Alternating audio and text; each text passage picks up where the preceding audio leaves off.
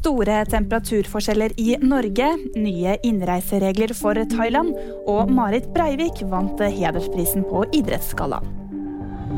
Det har vært nesten 50 grader forskjell i temperaturen i Norge det siste døgnet. Det skriver Meteorologisk institutt. Den laveste temperaturen ble målt i Kautokeino i natt. Der var det 39,2 minusgrader. Mens den høyeste temperaturen ble målt til 11,1 grad ved Oppstveit i Vestland fylke i kveld. Thailand innfører nå nye koronarestriksjoner for januar 2023.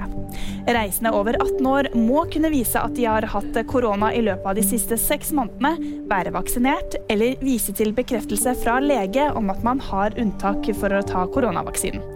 Restriksjonene gjelder fra 9. til 31. januar. Marit Breivik vant årets hederspris på Idrettsgallaen. Flere av landets største idrettsstjerner møtte opp. Det var til slutt Marit Breivik som fikk årets hederspris. Hun har bl.a. vært landslagstrener for håndballjentene. Erling Braut Haaland ble årets navn. VG-nyheter fikk du av meg, Jiri Friis Edland.